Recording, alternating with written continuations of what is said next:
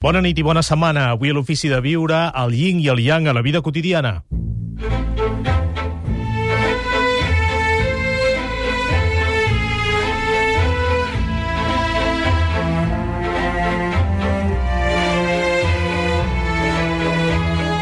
Gaspar Hernández, l'Ofici de Viure.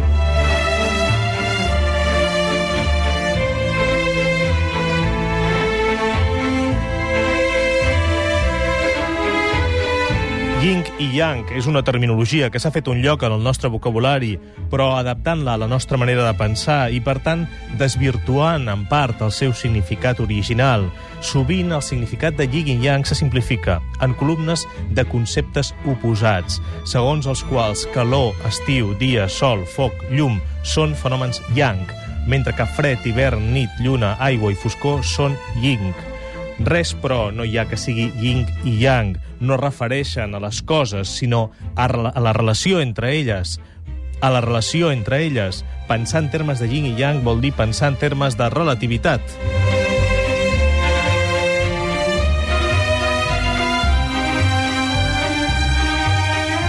I el yang ens ajuda, entre moltes altres coses, a substituir les nostres categories de bo i dolent, el nostre tan arrelat positivisme, pel mai se sap, que és l'acceptació de la vida tal i com ve.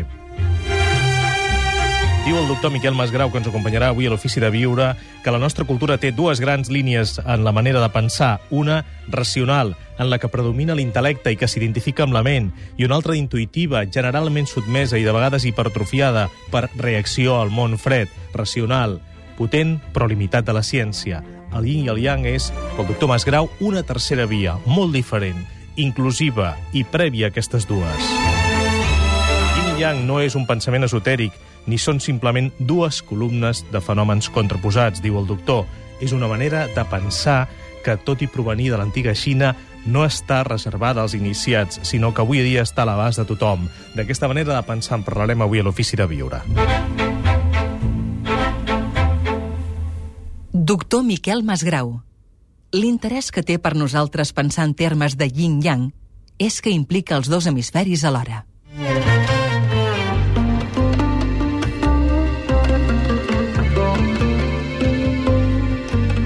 Soc Men Zhou, professor d'Estudis Asia Oriental de la Universitat Autònoma de Barcelona. Doncs Yang representa sol. Doncs el caràcter xinès és un sol. Yang representa luna. El caràcter xinès és una luna. Ara, què significa sol? De dia, de llum, de brillantès, d'intel·ligència, de tos, que ser humà podem veure. Però què és yin? Yin és de nit, com la luna, és de nit, eh? és la part oscura, és la part que no puede veure el sol. Okay? Primero, això és un concepte bàsic. Després, això és una combinació de univers. Per què? Sense sol no podem viure. Sense la luna, tampoc. Doncs és una combinació o una complementació. Si aplicamos a la vida cotidiana, tenim de dies, tenim de nit, tenim home, tenim dona. Si hi ha una harmonia entre yin i yang, la vida harmònica, la vida feliç. Ha una eh, contradicció o un conflicte entre yin i yang, la vida trista. Això aplica a la vida cotidiana que no podem escapar de esta dualidad de yin y yang. Después, si aplicamos a la casa, a la vivienda, a todas partes que implica la vida humana, no escapen de yin y yang. En parlarem avui a l'Ofici de Viure amb el doctor Miquel Masgrau i Isabel Calper Rufat, antropòloga. En Jordi Llavina passa per aquí, ara se'n va a berenar. Què tal, Jordi? Sí, El- algun comentari? A berenar o fer un cigarret, ara que no em veu Masgrau. No, però tu no fumes. No, no, era, era un dir. No, m'ha agradat molt la, la manera com feia servir el català aquest senyor. És a dir, més enllà del que exposava, que estava bé, però l'esforç aquest de, de parlar en català, encara que no es domini al 100%, m'ha entendrit.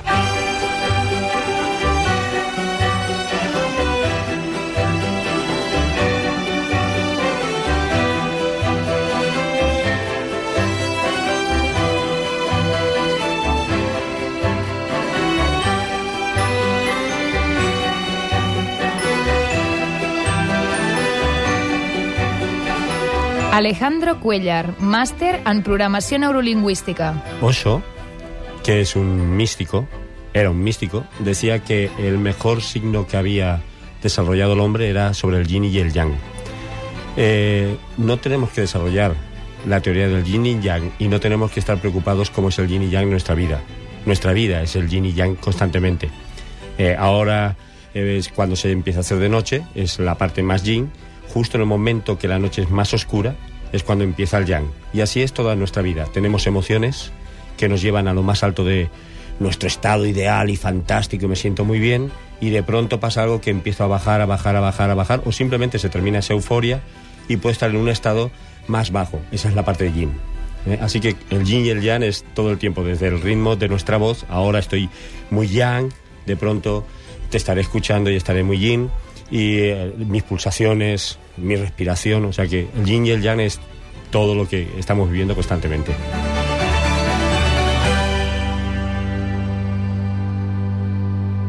Isabel Calper Rufat, doctor Miquel Masgrau, què tal? Molt bona nit. Bona nit. Uh, bé, avui tenim un repte difícil per endavant per començar la setmana, que és intentar explicar en paraules planeres què és el yin i el yang, tan i tan utilitzats. Uh, per on volen començar? Com ho dirien en paraules planeres? Isabel Calper Rufat. Bé, en paraules planeres, eh, està bé abocar, jo diria, l'ideograma, no? L'ideograma és molt bonic. O sigui, tenim un mur, eh, una, una, un mur que dona al sol i l'altre vessant del mur és un mur que queda a l'ombra i aquesta mm, part del mur que queda a l'ombra hi ha un cuc de terra que està travessant un tros de fusta, no? Llavors, doncs la part que queda eh, on dona la llum és el llanc, la part on dona l'ombra és el llin. Això és l'ideograma, no? L'ideograma que representa el yang i l'ideograma que representa el yin. Vol dir que amb dues... Eh, són com les dues vessants d'una mateixa muntanya. Una, una vessant li dona el sol, l'altra vessant li dona l'ombra, però fins i tot la vessant que li dona l'ombra rep el reflexe de la llum del sol. Vol dir que són dos aspectes complementaris. No s'oposen, sinó que són complementaris. Vol dir que la muntanya és una unitat i té, té dues cares no? Llavors, en la visió xinesa de les coses, tot té aquestes dues cares que anomenem yin-yang i que si ens anem una mica al concepte doncs, més, eh, eh, més subtil, ens anem a la cosmovisió taoista, llavors explicaríem doncs, que el yin i el yang sorgeixen en la cosmogonia de la unió, de la unitat. No? A partir de la unitat de la vida sorgeixen dues energies a les quals els xinesos han anomenat d'aquesta manera. I diu vostè, doctor Masgrau, que no els hem de veure com fenòmens contraposats, com dues columnes de fenòmens contraposats. Exacte. És, és, és un sistema de pensar dels xinesos, el yin i el yang, de fet, que és intraduïble, però, però de fet refereix, refereix només a un sistema de pensar que és a base de polaritats, de, de complementaris que és molt diferent, nostres, nostres, nosaltres també pensem en termes de polaritat, però són polaritats excloents. O ets home o ets dona, o ets bo o ets dolent, o ets alt o ets baix, no sé què, tots són o és blanc o és negre. No?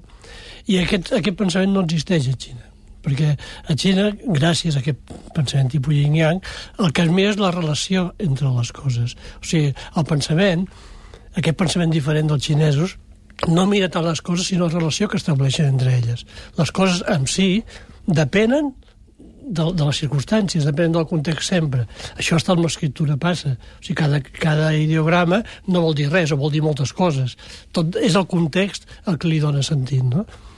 pues, amb, el, amb, amb tots els conceptes passa exactament igual. Llavors és un tipus de pensament dinàmic, és un pensament en el qual eh, mm, s'expressa sempre el canvi, sempre la relació entre les coses. És un pensament relatiu. Jo quan vaig interessar-me per Xina, però vaig veure que no m'ha interessat, no vaig voler agafar un avió i anar a Xina, perquè trobava que, era, que no, perquè més no en sabia res, i vaig voler anar a poc a poc, no? em vaig acostar a poc a poc, i vaig anar per, per Tailàndia cap al nord, fins gairebé tocar Xina, per començar a veure com era la Xina antiga, la Xina dels primers temps, que és el que m'interessava, no per la moderna. I llavors els hi preguntava a la gent, com he preguntat amb altres cultures que he visitat, quin és l'origen del món? Com, com veien ells? De què havia sortit tot això? I no ens enteníem. Perquè en deien... No, és a dir, ells no en tenien la pregunta. I no, no tenen mitologia. No tenen una mitologia establerta. El món sempre ha existit. O sigui, tot el que hi ha ara sempre ha existit. El que ha existit informe. O sigui, el, al seu inici tot era informe. Era una massa que tot el que ara existia, però sense forma. I llavors la primera divisió que hi va haver li van dir yin i yang. Són la primera polaritat. I a partir d'aquí, a base d'anar diferenciant polaritats i oposats, han anat sorgint totes les coses que, que és el que ara veiem.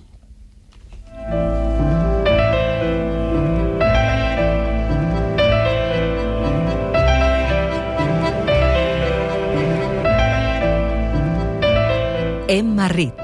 La reacció natural de tot ésser humà és buscar l'equilibri entre el yin i el yang.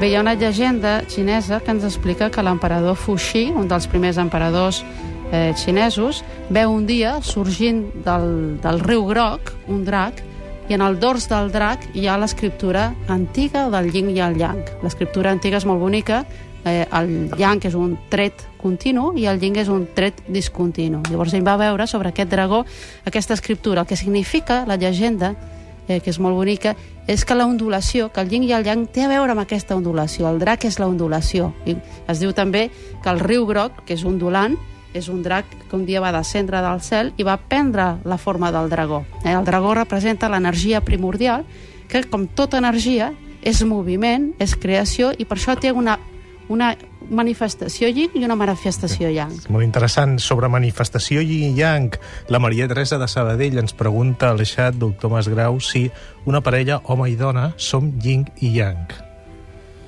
Bé, són conceptes relatius. O sigui, l'home és yang en relació a la dona que és yin. O sigui, no existeix yin i yang no existeixen. No Per dir- separat. No, exacte, no. Són conceptes que es poden distingir però no es poden separar. O sigui, sempre és en relació a alguna, alguna cosa. I Per tant, en relació a la dona, doncs l'home sí, que, sí que ho seria, no? Sí, sí, sí. I llavors el que, els xinesos el que intentaven és crear, que establir sempre que això és la gràcia del yin i el yang, és que t'obliga sempre, és un pensament que comporta cercar l'harmonia sempre. O sigui, buscar sempre l'equilibri entre els oposats. O sigui, no consideres mai un, és a dir, és exactament l'oposat del nostre positivisme, de la nostra ciència. O sigui, no busques mai una cosa separada del, del Però quan del estem context. parlant, per exemple, es parla molt d'energia yin i energia yang. Eh? De què estem parlant?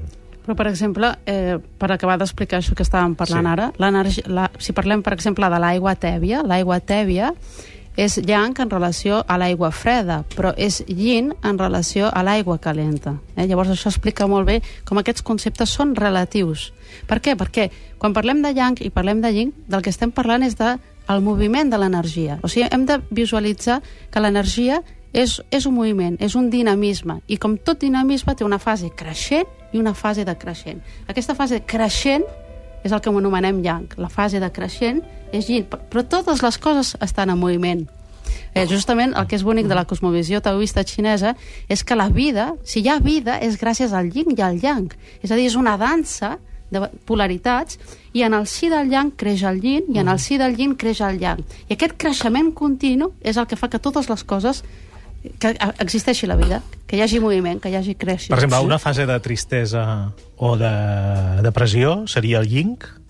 Podria ser en relació a una, a una fase de- d'exaltació de, o d'alegria. Uh -huh. eh? Però sempre... Sí, però quan, quan, quan, estàs, quan penses en termes de yin yang, com, llavors veus aquesta fase de tristesa, la veus com una fase, que després Exacte. pot venir l'alegria, i vindrà, saps? Que tot és un... tot, tot, tot puja i baixa, tot és... Tot, El que és important és el moviment. Exacte. O sigui, el, el que pensa, és que el yin i yang jo crec que més aviat el que fan és dificultar que és, no, el, el, el terminologia en si fa dificultar. És com, el, és com, el, com si la natura estigués bategant. És com no? és, és una pulsació que, a més a més, tenint en compte aquest origen del món, que, és tot, que tot estava conforme, tot estava informe eh, i barrejat, tot el que existeix, si fem un esforç de, de veure'ns així, comparteix la mateixa substància, segons, segons com es miri. O sigui, és, és el mateix. Llavors, que va agafant formes diferents. Llavors, que mm, res ho pots veure separat de l'altre. El que ara diu la física quàntica de la papallona, doncs, això els xinesos sempre ho han dit. O sigui, tot està en interrelació. Llavors, pensar en termes de yin yang és, és vol dir pensar sempre tot en el seu conjunt. O sigui, no deixar mai de vista la idea de l'unitat. I aquesta, aquesta idea que dius és molt maga, aquesta de la respiració, perquè jo crec que la idea de la respiració explica molt bé el yin i el yang. O sigui, nosaltres quan respirem hem d'inspirar i després expirar. La inspiració i l'expiració és el yin i el yang. I sense inspiració i expiració no existeix la respiració. El yin i el yang és el que fan que hi hagi la vida. I tot, tot, absolutament tot el que es viu està per, contínuament en moviment. O sigui, està contínuament en fase yin i en fase yang. El yin i el yang són fases. Ens equivoquem quan intentem fixar-los en Exacte. categories. I això és el que ens enganya el terme, perquè el terme per nosaltres vol dir un- una paraula normalment la tenim fixada i vol dir una cosa, un, un objecte, i no, i en el cas de i yang no és així. Clar, un home pot ser yin i després yang, no? I una dona igualment. O sigui, no és que l'home sigui yin i yang, és que l'home és yang en relació a la dona, però un home tindrà les seves fases yin i les seves fases yang. O sigui, el que és important del yin i el yang és oblidar el terme i pensar en, en I això. dansar, dansar, en, ballar. Exacte, pen, pensar i veure tot en un moviment, veure tot en interrelació. O sigui, no veure, no separar com fem contínuament una qüestió, separar-la del context i posar-la al primer pla i preocupar-nos o, o analitzar-ho, no sé, no. És, si vols tu pots, ho pots analitzar, però sempre l'has de tornar en el seu lloc i l'has de veure en el seu conjunt, perquè les coses no existeixen separades del context. Que, Efectivament, com diu el doctor, el doctor Masgrau, és el que està demostrant la física quàntica. No? Diu també el doctor Masgrau, pensar en termes de yin i yang suposa no perdre mai de vista el conjunt i considerar les parts, els esdeveniments, per exemple, o els problemes, no? Això aplicat a la vida quotidiana és molt útil, no? És eh, col·locar en context els problemes. Els problemes o els esdeveniments puntuals sempre en funció de tot, del tot. Això vol dir desacostumar la nostra mentalitat analítica a aïllar els fenòmens. Eh, volem disseccionar totes les coses com si fóssim científics, no? Com si els poguéssim, diu vostè, aïllar en un laboratori, i no, i no al contrari, no? Segons el yin i el yang, sempre, sempre, sempre hi ha d'haver el tot. Exacte. Això amb la medicina és, és, és molt important. A part de separar el cos i la ment, que és una, una mena d'aberració que és pròpia de la nostra cultura, doncs, que, que separem els òrgans per ells mateixos. I, i les persones, i no només els metges, sinó també els malalts, vull dir, que, que es veuen i, i posen el seu fetge en primer terme, no? i només pensen, saps, el fetge que està malalt. No? Bé, mira Clar, segons com- la medicina xinesa, el fetge pot estar malalt per, no sé, o sigui, per, per algun, la, la causa, diguem-ne, pot estar en un altre òrgan, no? I, en canvi, nosaltres ens, ens limitem, o la medicina alopàtica es limita, en molts casos, a analitzar només el fetge. Sí, però, però a més a més, quan alguna cosa va malament, li donem tanta importància que ho posem a primer terme. I, bueno, i què va bé? Pues que normalment hi ha moltes més coses que van bé. Llavors, per què donar, donar i abonar tant el que va malament, no? I això, quan penses en termes de relativitat, en termes en, en, en, en pensament clàssic xinès, això no passa. I d'aquí ve la saviesa del xinès, per això ens en mira tant. Però, per exemple, quan, quan agafem el, el Lao Tse i, i volem llegir els clàssics xinesos, per exemple, el Lao Tse o, o la medicina xinesa, al moment que comencem a parlar de, de, de, de taoisme, immediatament tenim el cliché mental de la religió. I ja l'estem jutjant i l'estem intentant entrar-hi des dels nostres esquemes mentals o, o medicina volem, llavors tenim els esquemes propis del que nosaltres considerem salut la gràcia del yin yang és que a- si ho entens, a partir d'aquí és quan realment pots entendre el taoisme i quan realment pots entendre la medicina xinesa. Perquè és una manera de pensar tan diferent de dels xinesos que no té res que veure amb cap altre pensament de la humanitat o potser, si voleu, eh, té que veure només amb el pensament primitiu. És un pensament primitiu evolucionat. O sigui, no, no és un pensament complicat. O sigui, lo difícil, precisament, lo difícil és que, que és un pensament senzill. Em sembla que l'altre dia vam parlar d'això, no? que era la muntanya més difícil d'escalar és la senzillesa del propi ment, vareu dir un dia, no? Que és, d'un xinès clàssic. I és ben bé, ben bé aquesta la dificultat. És que és massa senzill. I és tan senzill que no ho podem copsar. Em sembla que era Lao Tse que deia que la nit comença al migdia, no? I que el dia comença a mitjanit. Eh? Ah, sí, bé. Això seria també és molt yin i yang, no? Clar, això és l'emblema del, del yin i el yang, que és molt bonic perquè justament en, en el si del yang, o sigui, quan tots visualitzem l'ideograma, no? veiem que en la part fosca hi ha un punt de llum i en la part lluminosa, que és el yang, hi ha un punt de foscor, que és el yin. Això vol dir que en, en, en el yang hi ha la llavor del yin i a, i a l'inversa, no? Clar. Nosaltres ho veiem quan, per exemple, en les estacions, no? Quan el dia es comença a allargar, ja està canviant alguna cosa, no? Anem cap a, no sé si cap al yang o cap al yin, eh? Però hi ha aquesta dansa. Exactament, sí, sí, sí. One of us misread. What do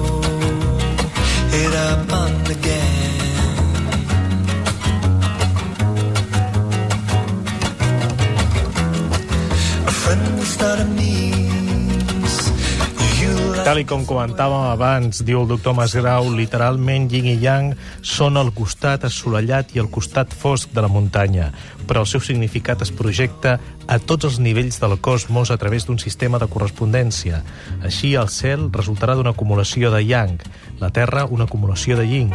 El dia serà yang, la nit serà yin, l'home serà yang, la dona serà yin, i l'estiu més l'època més yang i l'hivern més yin, no? Correcte? Sí, és així. És. I, I això també és aplicable als òrgans i als teixits, diu vostè. A tot, és, és tot, perquè és la natura, és veure la natura com un, com un dinàmic, no com un munt de coses, com, la- com la veiem nosaltres, sinó veure com tot dinàmic, com, com es- un moviment. Quan es parla, per exemple, d'estimular l'energia yang o l'energia yin, eh, jo, jo dir, això ho he sentit i ho he llegit parlar, per exemple, alguns acupuntors. De què estem parlant? Bueno, medicina és un terme tècnic, diguem, no? És un terme Val. tècnic que és important perquè permet per, avui dia entendre el que deia un senyor, un metge de fa dos mil i pico d'anys. És que t'està definint un quadre i, i avui dia ho pots entendre. És un llenguatge, diguem, que permet comunicar-nos. O sigui que durant dos, més de 2.000 anys ha fet que, que generacions i generacions de metges lletrats que, que han tingut accés a aquests documents i que han verificat i han anat elaborant aquesta medicina que fins fa un poc era, era d'una saviesa increïble. Ara, evidentment, està en molta decadència, també.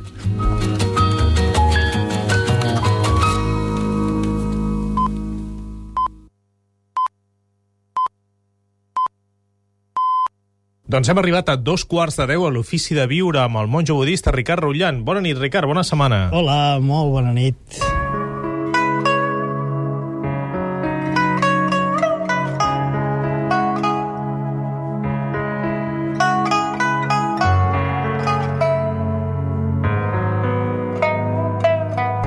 Ricard, endavant amb un minut de meditació, quan vulgui. Molt amable, moltíssimes gràcies.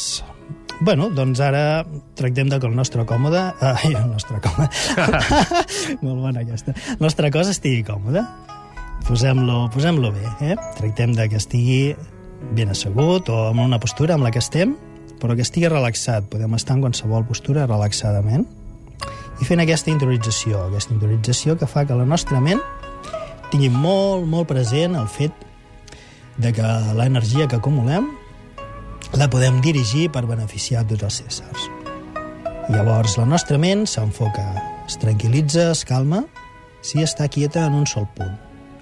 Fem-ho, observant el vaivé de l'aire pel nas, amb molta tranquil·litat.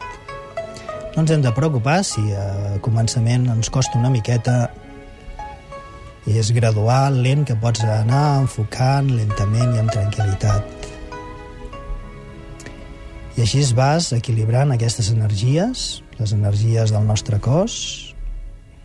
Fes-ho amb l'exhalació suau, és l'energia que treu fora tot allò que ja s'ha fet servir. Amb l'exhalació i a l'inhalar vas rebent aquesta energia que dona potència, dona força. Han d'estar ben equilibrades. Com veus, no només pots estar exhalant, i no només pots estar inhalant. Ha d'haver un perfecte equilibri i deixa doncs que flueixi tranquil·lament, però fes-ho molt atentament, en plena atenció en aquest fet. Exhalant i inhalant tranquil·la i plàcidament. Deixant així que obtinguis un estat d'equilibri i això beneficia tots els éssers. Ricard, doncs moltes gràcies. Demà hi tornem. Demà a l'Ofici a Viure parlarem de la infidelitat, segons Walter Risso. Walter Risso diu que la infidelitat provoca infelicitat a mitjà termini en els dos membres de la parella.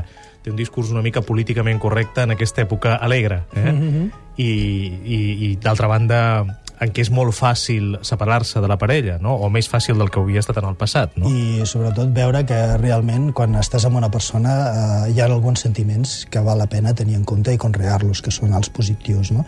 Llavors hi ha un malestar que crea una, una diferència, doncs procurar evitar-ho i llavors eh, no ser d'alguna manera com dir-ho, infidel per tractar de, de, de, de superar aquesta diferència. Per que hi ha aquells. endavant, no? Sí, és que seria com, com tractar d'encobrir aquesta petita diferència que es pot solucionar d'alguna forma i obtindre una relació plena. Demà en parlarem a l'Ofici de Viure la infidelitat. Gràcies, Ricard. Bona nit. Molt bona nit.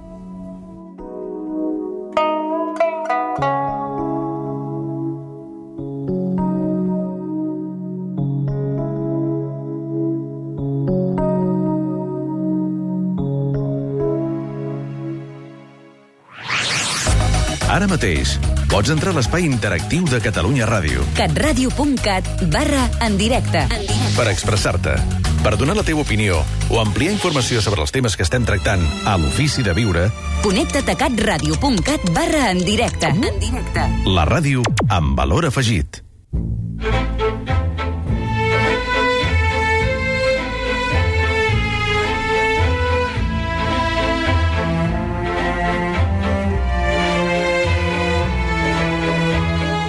Gaspar Hernández.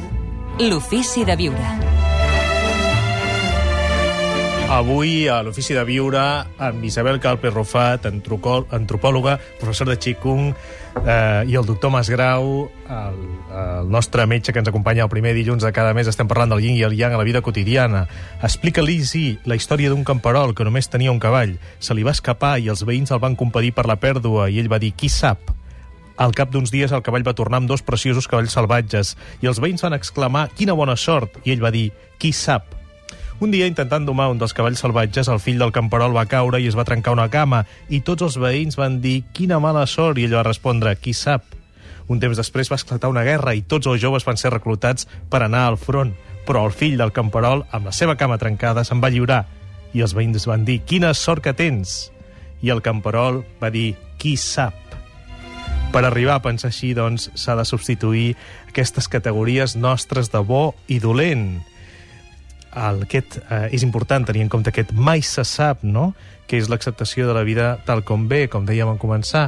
I també, eh, doctor Masgrau, Isabel Calpe Rufat, és veure la vida o sigui, tal i com és en el sentit que qualsevol situació actual, sigui bona o dolenta, conté la llavor de, del canvi i si la situació d'ara nostra la qualifiquem o l'etiquetem com a bona, té la llavor d'una situació que després etiquetarem com a dolenta, no? I això és molt important saber-ho. Sí, o en tot cas, eh, és, independentment de, de com l'etiquetem, cada llavor té, eh, cada situació té la llavor d'una situació diferent. I jo diria que això és el que caracteritza el, el, el pensament xinès, no? Sí. En, la, en la que totes les coses estan interrelacionades i, tot, i totes les coses estan contínuament en moviment. La, mutua, la mutació és la clau del pensament xinès. I quan parlem de yin-yang estem parlant d'això, de mutació, que totes les coses... No hi ha res estàtic. Per què? Perquè totes les coses estan atravessades per aquestes forces yin i aquestes forces yang. Des del cel a la terra, des de les galàxies, al moviment celular, al cos humà, a les situacions humanes. No? Tot està en canvi perpetu. Llavors, si veiem les coses així, és el que parlàvem ara, no? eh, podem arribar també nosaltres a confiar més en la vida, no? a viure en aquest, amb el que diuen els taoistes, deixar-se fluir, en comptes d'oposar una força, eh, sa, sa, saber ser saber ser yin, saber ser yang, no? No de les- resistir-se, no? No resistir-se i, eh, i, i, i trobar un equilibri, una harmonia, no? I, de fet, l'altre dia vaig veure que havíeu fet un programa sobre les creences, Mm. i les creences Les creences són... limitants. Les creences limitants. Totes les creences són limitants des d'aquest punt de vista. Perquè les creences el que fan és, és fixar la ment, fixar la ment i no impedir fluir amb, amb, amb la vida.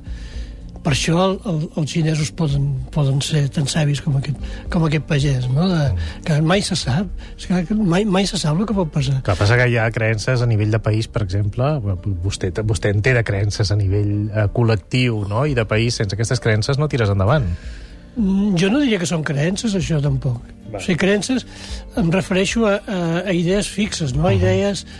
Sí, sí, a la línia del que vam parlar Sí. al programa, aquestes Clar, creences limitants que ens frenen. Aviam, sí, una, sí. cosa, una cosa és, és la natura, és a dir, és a dir la, la, el que és pròpiament xinès, aquest pensament, el que fa és reflexa, ref, reflectir el, el moviment de la natura, o sigui, aplicar el moviment de la natura també a l'home i a la societat. Evidentment, si tu ets d'una terra, doncs tu cuides la teva terra. Si ets d'una col·lectivitat, has de cuidar i viure en harmonia amb aquesta col·lectivitat. Això, la idea de país, doncs, vindria per aquí també. Però això no és una creença, és, és simplement, clar, no creus que, que sigui de dia o sigui de nit. És dir, el que fas és dormir de nit i, i, i, i llevar-te de dia, no? És, és una mica seguir els ritmes de la natura perquè precisament no hi ha cap altre condicionant amb aquest tipus de pensament que la pròpia natura. O sigui, és, és realment el mestre, és el que, de, és, és el que ha il- il·luminat el, el pensament xinès. Els xinesos diuen tots els homes són savis, uns abans i altres després. No? És una mica això. Hi ha un que pot veure, a la llavor veurà que, que allà hi ha un, un, un arbre en potència i altre que no veurà l'arbre fins que estigui ben crescut. No, doncs una mica és això. Avião sem asa, fogueira sem brasa, sou eu, assim sem você. Futebol sem bola, piu-piu sem frajola, sou eu, assim sem você. Loli Curto. El yin i el yang són les dues cares de la mateixa energia, positiva i negativa.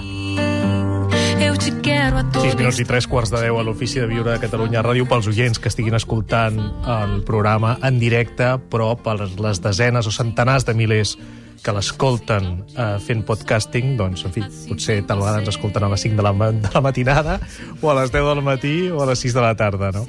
Bé, Isabel Calper Rufat, eh, com podem aplicar el yin i el yang a l'àmbit de la parella, a la relació moviment constant de la parella? Doncs, mira, això fa, em fa pensar en un llibre d'Alan Watts, eh, que, eh, on, on parla del tai chi, i on diu que ell, quan es baralla amb la seva dona, o quan arriba un moment que no s'entén gaire amb la seva mort, amb la seva dona, llavors eh, fan el tuixó.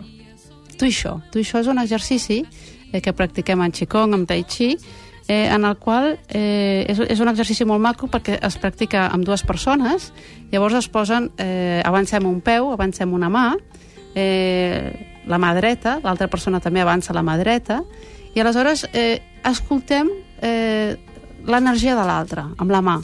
Eh? I arriba, arriba un moment en què hi ha un moviment que emergeix, eh? aquest moviment que emergeix, com hem explicat en el programa, correspon a l'energia yang, i aleshores eh, la parella el que ha de fer és seguir aquest moviment. Per seguir i deixar fluir aquesta energia yang, tu t'has de convertir en yin. Has de deixar, has de ser receptiu a aquesta energia. Llavors estàs treballant amb la teva pròpia energia yin. Després aquesta energia yin arriba com al seu màxim, llavors sorgeix de nou una energia yang. I l'altra ha d'aprendre, ara tu ets el que dones, l'energia yang en expansió, i l'altre ha d'acollir la teva energia. Ell s'ha de tornar yin. I és un joc, és una dansa yang-yin. Així aprenem a activar la nostra energia yang i aprenem a activar la nostra energia yin, a saber rebre i a saber, i a saber donar.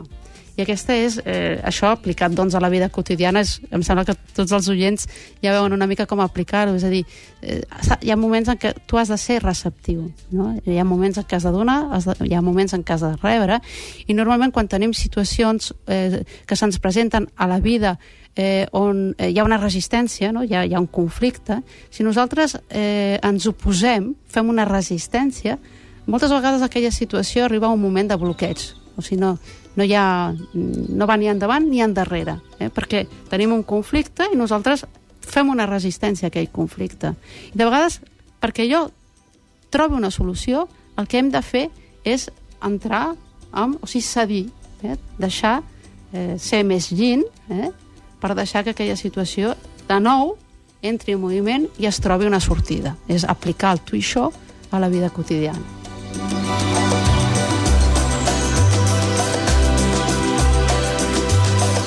Com diu el doctor Masgrau, per pensar en termes de yin i yang hem de considerar l'harmonia per sobre de la confrontació i deixar d'encarar la vida a partir del desig i l'interès individual.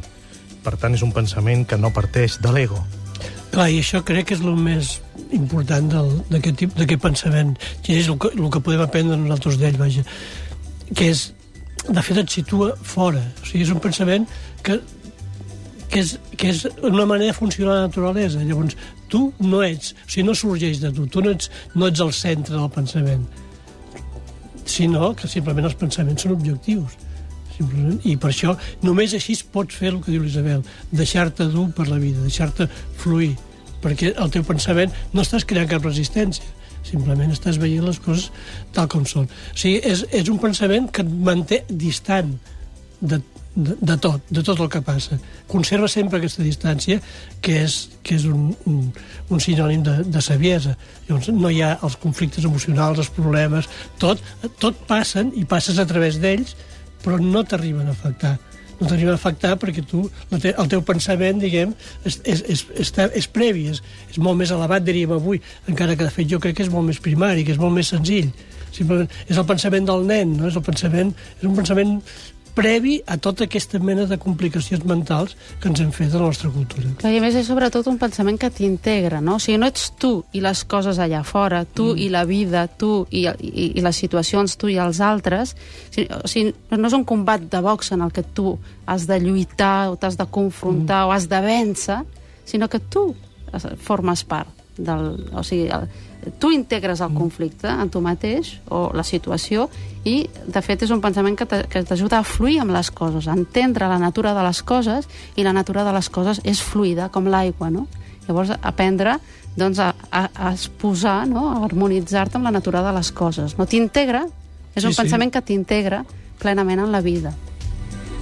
Diu el doctor Masgrau, el pensament en termes de relativitat allibera la ment d'aquest intel·lecte dominador i cregut, que és el nostre, no? que pretén ser l'única part seriosa de la ment i que n'aconsegueix el predomini a base d'excloure la realitat immaterial i establir una forta censura sobre la intuïció i altres formes de coneixement.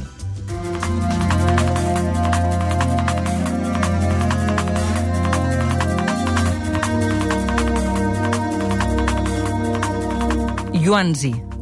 La nostra existència té un límit. Els coneixements, no. Basar-se en el que és limitat per aconseguir el que no ho és. Vet aquí el que és perillós.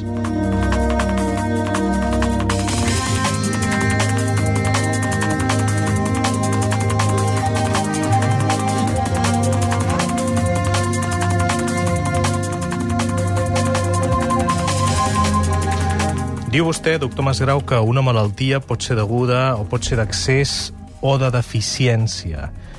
Mm, Estem parlant també de naturalesa, diu vostè, la, diu la segona naturalesa de la malaltia pot ser de naturalesa calenta o de naturalesa freda segons les seves propietats. Recordeu les qualitats de l'aigua i les qualitats del foc. Com aplica vostè el yin i el yang a l'hora de tractar una malaltia? Sí, bueno, això és el llenguatge, el que us deia abans, un llenguatge tècnic que serveix per, per metge per orientar-se. No per, però llavors amb això pots arribar a diagnosticar una malaltia i tractar-la, però no, tracta, no només la malaltia, sinó les condicions en què aquesta malaltia es dona.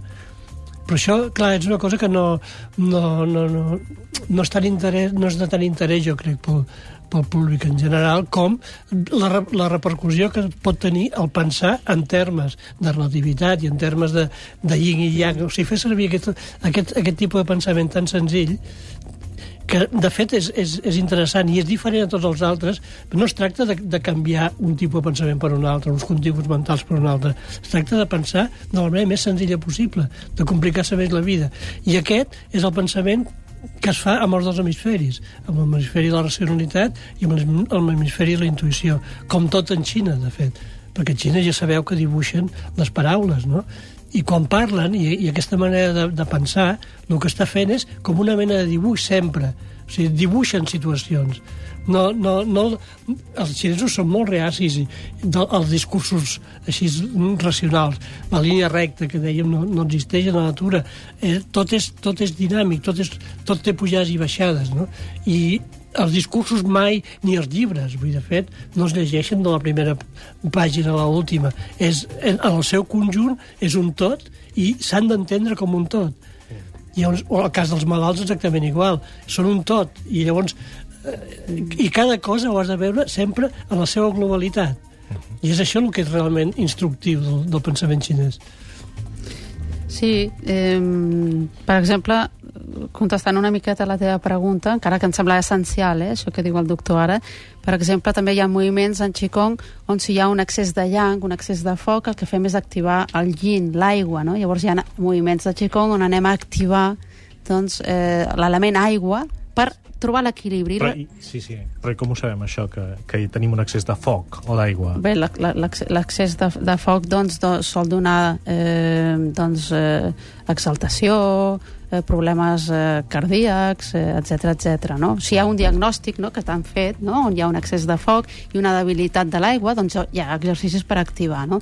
Però em sembla fonamental la idea d'harmonia i d'equilibri. No? O sigui, de fet, el pensament xinès el que busca és l'equilibri i l'harmonia. No? Llavors, si pensem en aquests termes que hem dit, no? que el yin i el yang és simplement doncs, la, la dinàmica natural de les coses, eh, podem eh, trobar-nos no, progressivament en una situació de més equilibri, perquè acceptem que les coses són canvi, són mutació, mm. i que nosaltres també estem en mutació. No? Llavors, el, el que hem de fer és simplement integrar-nos en aquest corrent Clar. i acceptar el canvi. Sí, per, per actuar segons el yin el yang, el que no s'ha de fer és començar a estudiar el que és el yin i el yang. Simplement s'ha de viure d'aquesta manera, s'ha de viure la vida, acceptar-la tal com ve, i llavors, a poc a poc, vas, vas eh, eh, introduint-te en aquesta manera de pensar que és molt, molt, molt, molt rica, molt, molt positiva. Arriba en Jordi Llavina. Què tal, Jordi? Molt bona nit, benvingut. Bona nit. Eh, Tens accés de yin o de yang?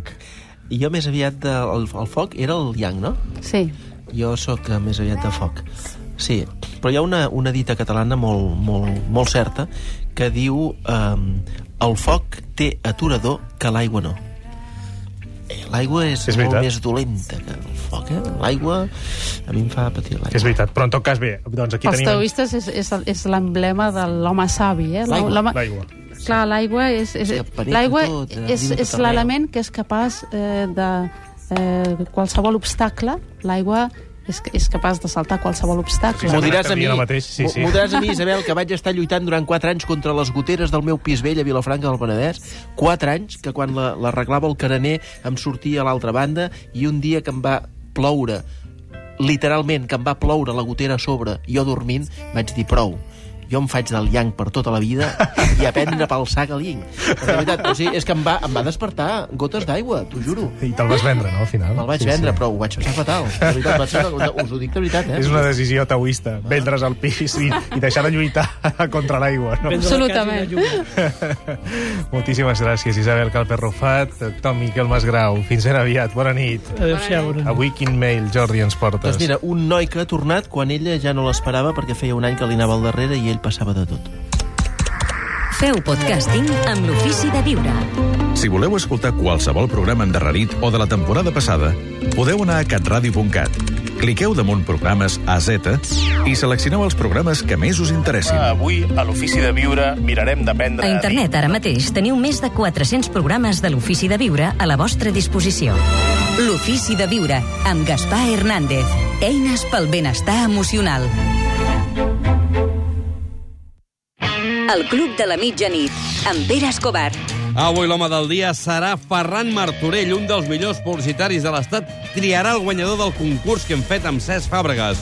Ferran Martorell té la pressió de decidir quins oients aniran a Londres a veure en directe l'Arsenal Manchester. Ho sabrem avui al Club de la Mitjanit. Catalunya Ràdio. De dilluns a divendres, de 12 a dos quarts de dues de la matinada, al Club de la Mitjanit, amb Pere Escobar.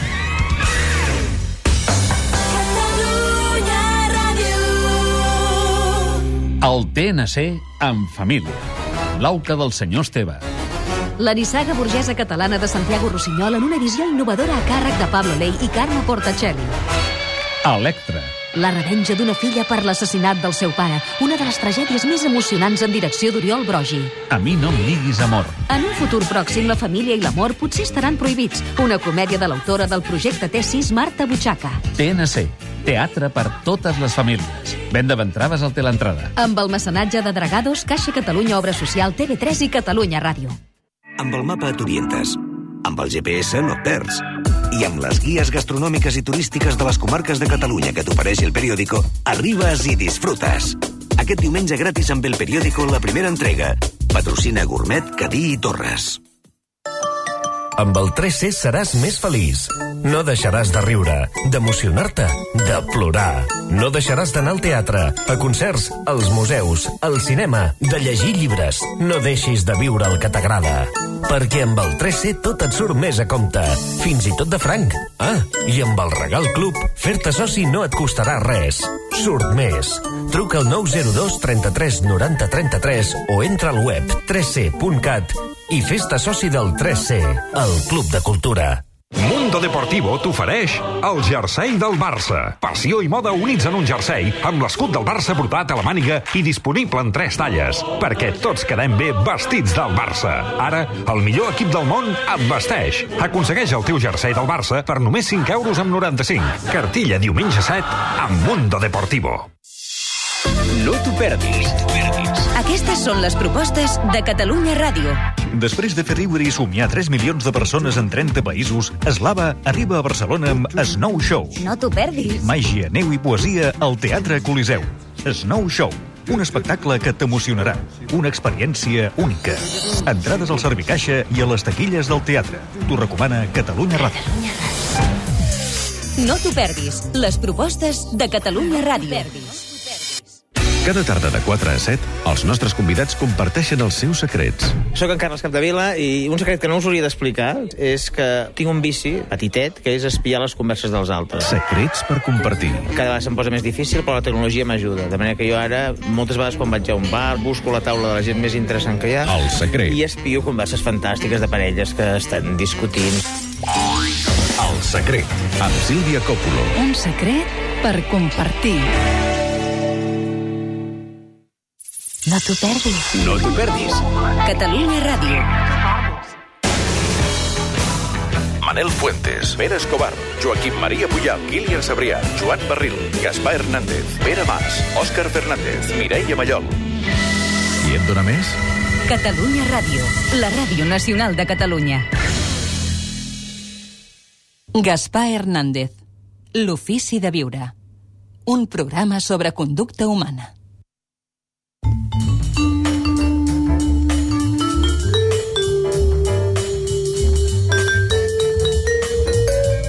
Viure arroba catradio.cat. Aquest és el nostre correu electrònic. Últimament sempre rebem molts correus electrònics, però veig que les últimes setmanes, els últims dies en concret, n'estem rebent encara més. No sé si és la primavera que comença a albirar-se. Eh? Oh, sembles poeta, Gaspar. No, D'alguna manera. Clar, això, hem tingut alguns dies, avui precisament no. Eh? Sí, sí, sí. Escolta'm, en tot cas, eh, escriviu i escriviu mm, curtet, perquè de vegades haig de- haig els mails. Hola a tots, voldria explicar el meu cas d'amor, que potser és també el cas d'alguna altra persona. Vaig viure 12 anys amb el meu company. Vam començar a sortir de molt jovenets, als 17 anys, i ens vam posar a viure junts als 25. Ja portàvem gairebé 10 anys junts i hem conviscut junts 12 anys més. És més de mitja vida. Un dia de l'any passat, ell va dir que havia tingut una crisi de sentiments i que necessitava escampar la boira. Tenia l'oportunitat d'aprofitar una beca d'ampliació d'estudis relacionada amb la seva feina i ha estat un any a Anglaterra. Li ha anat molt bé, però ha tornat i em va venir a veure a casa, com si no hagués passat res. Semblava d'entrada que jo l'havia d'acollir amb els braços oberts. He de dir que tot aquest temps he intentat infructuosament parlar amb ell. Sempre tenia la mateixa resposta. M'estic intentant trobar a mi mateix. Jo encara me l'estimo, me l'estimo molt, però no estic disposada a passar per la humiliació d'acceptar-li qualsevol cosa. I la veritat és que no sé gaire com reaccionar davant d'això. Em supera. És la Maria, des de Manresa. La Maria, doncs, viu aquesta història d'amor en dues o tres parts. El seu company fa més d'un any va decidir de marxar de casa i ara, al cap d'aquest temps, ha tornat com si no hagués passat res. Entenc la teva consternació, Maria. Et dono suport en el que dius. No podem acceptar que els altres juguin amb nosaltres impunament, però és que potser ell no està jugant amb tu impunament. Potser sí que tenia realment necessitat imperiosa i peremptòria de trobar-se ell mateix. Un ha d'estar molt bé per, per, per poder estimar, ha d'estar molt bé amb ell mateix. Si d'entrada ja no s'accepta o hi ha alguna cosa de la seva psicologia, de la seva consciència, que no s'acaba d'ajustar, doncs bé, mm, l'hem d'ajustar i llavors ja estimarà com cal ja podrà donar tot el que pugui donar. Per això convindrà que parleu, que parleu molt. Us coneixeu molt, naturalment, són molts anys junts, però no pot ser d'una altra manera. Heu de parlar. A part que no ens dius gaire res de com és aquest noi, si dubta sovint, si té o tenia crisis amb freqüència. La situació a mi m'ha recordat un poema de Wisława Szymborska del llibre Vista amb un gra de sorra, que es diu El retorn. Escolta, Gaspar, que és molt bonic aquest poema, diu Ha tornat, no ha dit res, tanmateix és clar que ha tingut un disgust. S'ha ajagut amb la roba posada, amagat el cap sota el coixí, ha arronsat les cames, té pels vols dels 40, però no pas en aquest moment. Existeix, però no pas més que si fos el ventre de la mare, sota set capes de pell, en la foscor protectora. Demà pronunciarà una conferència sobre l'homeostasi en la cosmonàutica metagalàctica. De moment s'ha reulit i s'ha adormissat. Em sembla que no hi ha res eh, sinó parlar, no hi ha més remei que, que fer-ho. Eh? Esclarir què ha passat, eh, és intolerable, efectivament, que s'hagi passat un any de la seva vida sense donar senyals, però si l'estimes, potser ha calgut aquesta crisi perquè en sortiu reforçats. O potser no, ja, ja ho veureu. Què diu la psicoanalista Iolanda Sussi? Que el que explica la Maria eh, de Manresa que fa... El que explica d'aquest noi és, és força coherent. No deia res quan hi era i no ho diu tampoc ara que ha tornat.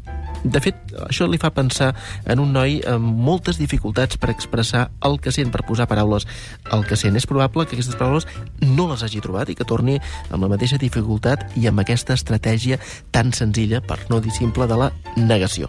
Eh? La famosa tàctica de les, de l'estrus, diu ella. Però això no ho farà de, cara a la Maria, sinó que eh, és ell mateix el que s'amaga amb el cap sota terra i no s'assabenta del que està passant a fora. Jordi, doncs t'esperem demà també. Demà ens acompanya Walter Risso en el Ah, programa perfecte. molt interessant sobre Molt la infidelitat. Sí. Ell ha arribat a la conclusió, ell diu que parla com a psicòleg, i veu tant i tant de sofriment a causa de la infidelitat que, bé, que diu, o tria, no? Però no siguis infidel, ell di- diu ell, perquè se- et provoca sofriment a tu mateix Sí, sí, i a la teva veritat. parella a mig termini. Eh? Clar, a mi m'has vist mai que fos infidel? Jo sempre he sigut del Barça. Sempre he sigut els meus fills, de la meva dona. Tu has sigut fidel a tu mateix, sempre. El meu amic, tu, aquest programa. Jo t'ho agraeixo molt. Tu m'has vist que jo aquesta hora me'n vagi a un altre canal de ràdio a parlar d'esports?